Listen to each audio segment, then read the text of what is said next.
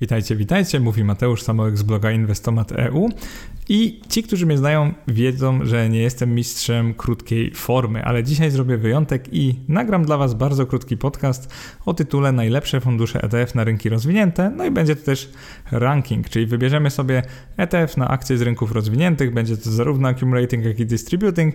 I tak naprawdę przejdźmy od razu do rzeczy, bo nie ma tu się nad czym rozwodzić. Zaczniemy od typu accumulating. Dla tych, którzy nie wiedzą, przypomnę, że to są te fundusze, które nie wypłacają dywidend, czyli przez jakieś 70 70-80% czytelników, słuchaczy oraz oglądających ten kanał lub ten blog lub ten podcast są one preferowane. Ciężko się dziwić większej popularności funduszy tego rodzaju, skoro niezależnie od e, używanego konta maklerskiego nie trzeba tutaj rozliczać podatków tak długo, jak nie sprzedamy żadnych jednostek takich funduszy, co naprawdę znacznie ułatwia inwestowanie.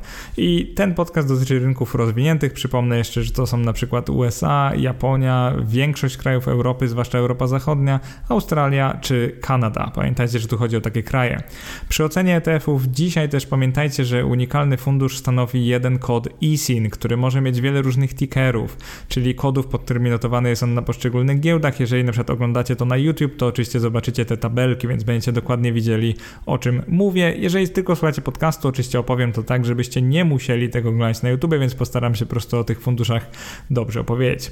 Zaczynamy zatem od porównania funduszy accumulating, czyli tych, które nie wypłacają dywidend, na rynki rozwinięte. I tu jest bardzo ciekawie. Mamy 8 takich funduszy w tej chwili.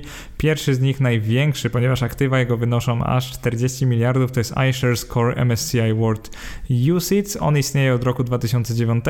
Jego TER, czyli te deklarowane koszty wynoszą 0,20%, czyli nie tak dużo.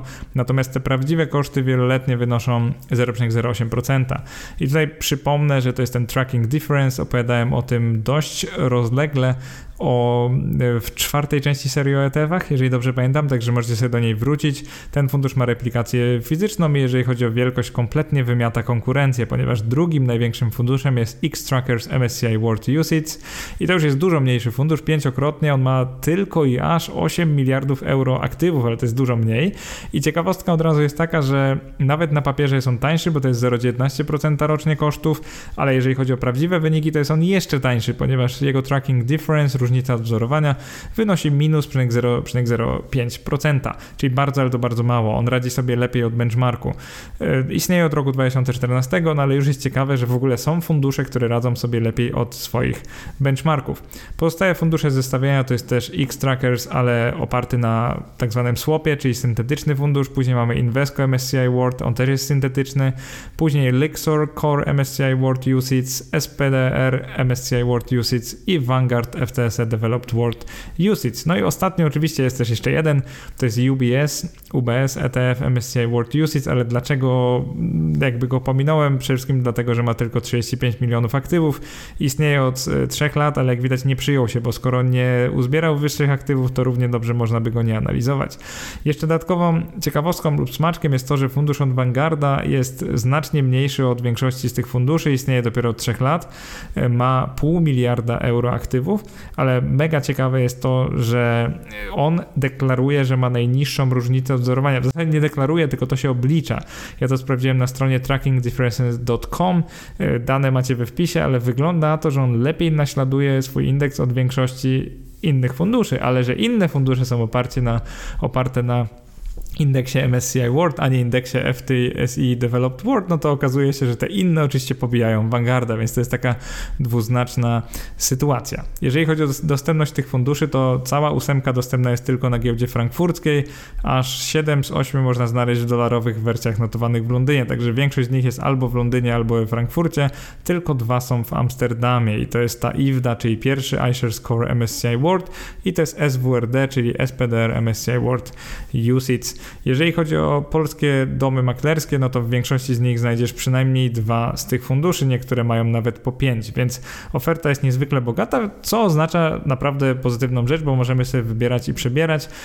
Jeżeli chodzi jeszcze o cenę funduszy, to poza dostępnością jeszcze bym ocenił inne aspekty, o których bardzo rzadko się mówi, a moim zdaniem należy na przykład taka bardzo prozaiczna rzecz jak cena jednej jednostki ETF-a, która może stanowić o tym, jak niewielkie lub jak wielkie kwoty można za ich pomocą inwestować. To jest bardzo, ale to bardzo ważne, bo pamiętajcie, że jeżeli macie w dyspozycji 1000 albo 2000 zł, no to o wiele prościej będzie Wam wydać całą kwotę na ETF, którego jednostka kosztuje na przykład 10 euro, wobec ETF-a, którego jednostka kosztuje na przykład 300 lub 500 euro. Wobec tego sprawdźmy, ile te ETF-y kosztowały pod koniec 2021 roku i to też jest bardzo ciekawe, ponieważ większość z nich kosztowała tak około 80 euro za jednostkę, ale było kilka tańszych, na przykład Lixor kosztował 15 euro za jednostkę, SPDR kosztował 30 euro za jednostkę i ten UBS, a czyli ten taki bardzo mały fundusz, którego akurat bym choćby ze względu na to nie polecał, kosztował 25 euro. Jeżeli chodzi o wyniki całego porównania, to tutaj chyba jakichś dużych niespodzianek nie ma. Na pierwszym miejscu są zarówno iShares Core MSCI World Usage, znany także jako na przykład, no większość z Was go zna jako SWDA albo IWDA albo EUNL, to jest bardzo popularny fundusz. On tutaj zdecydowanie wygrał, no z jakich powodów? Jest on największy, istnieje naprawdę od wielu, wielu lat, ma replikację fizyczną, cena jednostki jest taka przeciętna, ale nie wysoka, więc dalej można dopasować cenę jednostki do prawie każdej kwoty inwestowania. Koszty roczne na papierze są takie sobie, są średnie w tym całym zestawieniu, natomiast różnica wzorowania jest taka raczej gorsza. I tutaj wchodzi bardzo ważny czynnik. Dla osób, które optymalizują kosztowo, wygląda na to, że fundusz X-Trackers MSCI World ma niższą i to znacznie niższą różnicę wzorowania. Więc jeżeli potrafisz Przełknąć to, że to jest trochę mniejszy fundusz, ale dalej ogromny, no bo 8 miliardów euro aktywów, jak na ETF, to jest gigantyczna kwota, więc będzie on prawdopodobnie bardzo płynny w zakupie mimo wszystko. Ma on także fizyczną replikację, także cena jednostki nie jest taka przeszkadzająca, bo to jest no kilkadziesiąt poniżej 100 euro, przynajmniej w tym momencie. Istnieje też od dobrych kilku lat, więc to jest plus i różnicę odzorowania ma absolutnie fenomenalną, ponieważ jest ona ujemna, więc radzi sobie on lepiej od benchmarku, więc prawda jest taka, że jeżeli będzie dalej tak samo dobrze zarządzany, zarządzany, jak był dotychczas, to jest bardzo duża szansa, że fundusz X-Trackers jest po prostu lepszą inwestycją niż fundusz od iShares.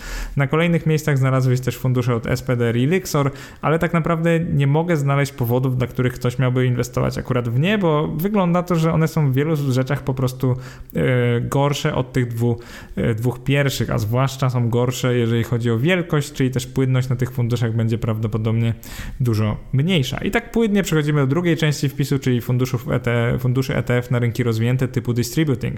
I tutaj od razu przypomnę, ETF-y typu wypłacającego, czyli po angielsku distributing, preferować będą osoby raczej bliżej emerytury, zarówno tej planowanej, jak i wcześniejszej, na przykład FIRE, jeżeli ktoś dąży do niego tak jak ja Czyli te osoby, które poza wzrostem wartości chciałyby ze swoich inwestycji żyć bez potrzeby dotykania, czyli sprzedawania raz zakupionych instrumentów. I oczywiście większość z Was pewnie jest w fazie akumulacji, czyli Wasz kapitał rośnie i nie potrzebujecie wypłat, więc accumulating będą dla Was lepsze. Natomiast jeżeli chodzi o osoby, które chcą otrzymać dywidendę albo nawet muszą, bo są już na emeryturze, to oczywiście ta kategoria będzie dla Was ważniejsza. To jest bardzo ciekawe, bo funduszy w porównaniu mamy tylko 6, bardzo niewiele.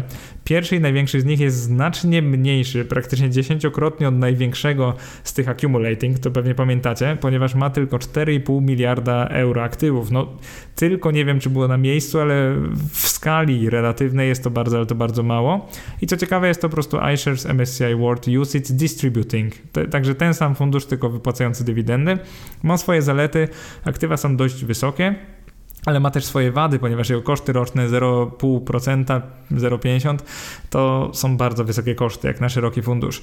Jego różnica wzorowania, czyli tracking difference jest jednak trochę lepsza w skali roku, bo wynosi 0,26%, ale jest to dalej bardzo, ale to bardzo dużo.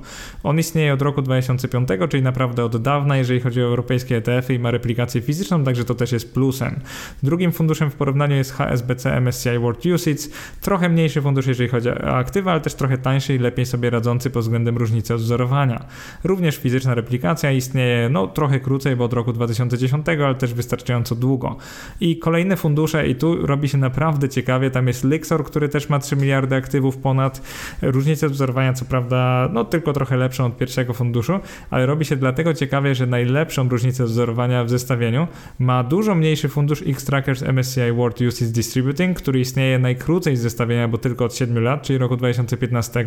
Ma on około miliarda euro aktywów I nie dość, no koszty na papierze akurat ma takie średnie, bo 0,19% rocznie wynosi TER, ale różnica wzorowania już jest minus 0,10%, więc wygląda to, że X-Trackers tutaj wygrywa, jeżeli chodzi o performance, zarówno wśród ETF-ów accumulating, jak i distributing. I to też można zobaczyć, jak narysujemy sobie wykres. Ja na przykład wziąłem te trzy ETF-y, yy, wziąłem je akurat w euro, no i to nawet widać na wykresie, że lepiej od najdroższego funduszu iShares radzi sobie praktycznie każdy inny fundusz zestawienia. Już w ogóle nie mówiąc o tym od X-Trackers i Vanguarda, które mają najniższe różnice odwzorowania. I to jest właśnie ciekawe, bo mamy ten case, kiedy wielkość aktywów chyba nie powinna przeważać, a powinniśmy patrzeć na przeszły performance, ponieważ jest duża szansa, że one dalej będą najlepiej zarządzane. Jeżeli chodzi o tabelę dostępności e, tych funduszy, no to większość z nich występuje w Londynie i we Frankfurcie. W zasadzie wszystkie są tam albo tam. W Amsterdamie tylko dwa z nich, czyli iShares i Vanguarda, te takie najbardziej bym powiedział popularne, mimo że Vanguard nie jest zbyt duży. Jeżeli chodzi o dostępność w polskich domach maklerskich i biurach maklerskich, jest to trochę gorzej, ponieważ we wszystkich można znaleźć ten największy iShares i właśnie Vanguard FTSE Developed World, czyli tak jakby domy maklerskie decydowały się tylko na jeden z tych, które naśladują MSCI World Distributing, a szkoda, ponieważ wygląda na to, że X-Trackers MSCI World radzi sobie po prostu lepiej od całej konkurencji. I teraz jeżeli chodzi o to dodatkowe kryterium, czyli cenę jednostek funduszy Distributing, to jest bardzo ciekawie, ponieważ dwa z nich, czyli ten Lexora i UBS-u, kosztują aż 200 270 euro około pod koniec roku 2021 za jednostkę, czyli naprawdę bardzo, ale to bardzo dużo. To znaczy, że jedną jednostkę kupujemy za jakieś 1200-1300 zł, więc zauważcie, że bardzo ciężko zainwestować określoną taką konkretną kwotę w te fundusze, co oczywiście jest ogromnym minusem. Jeżeli chodzi o ceny, no to iShares i Vanguard mają takie normalne 60 i 80 euro odpowiednio. HSBC ma najlepszą, bo tylko 30 euro w tym przypadku, więc inwestor dysponujący konkretną konkretną kwotą najprościej by kupił właśnie HSBC. X-Trackers wygląda dobrze. Nie jest źle 75 euro, więc to też można kupić za no przynajmniej w miarę odliczoną kwotę. Jeżeli chodzi o ranking tych funduszy na rynki rozwinięte typu distributing, to jest to naprawdę ciekawie, bo ponownie na pierwszym miejscu spotykają się dwa fundusze, z tym, że tym razem tylko jeden jest dostępny u polskich maklerów i to jest Vanguard FTSE Developed World Distributing. I on pod względem jawnych, jak i ukrytych kosztów zdecydowanie przoduje wśród wypłacających dywidendy funduszy ETF na indeks akcji z rynków rozwiniętych, czyli np. USA i Japonii. Egzekwo z nim znalazł się fundusz od HSBC, którym powinny zainteresować się zwłaszcza osoby, które preferują posiadanie funduszu opartego na indeksie MSCI World. Po prostu wyszło na to, no, przeważyły w bardzo wielu kategoriach.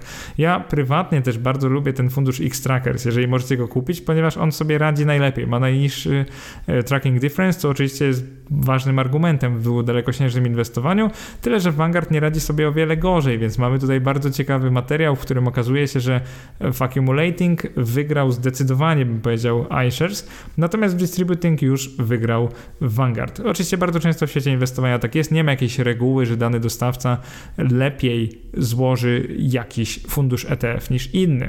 I to był jeden z najkrótszych podcastów na moim blogu. Bardzo Ci dziękuję za wysłuchanie. Trzymaj się i do następnego. Cześć.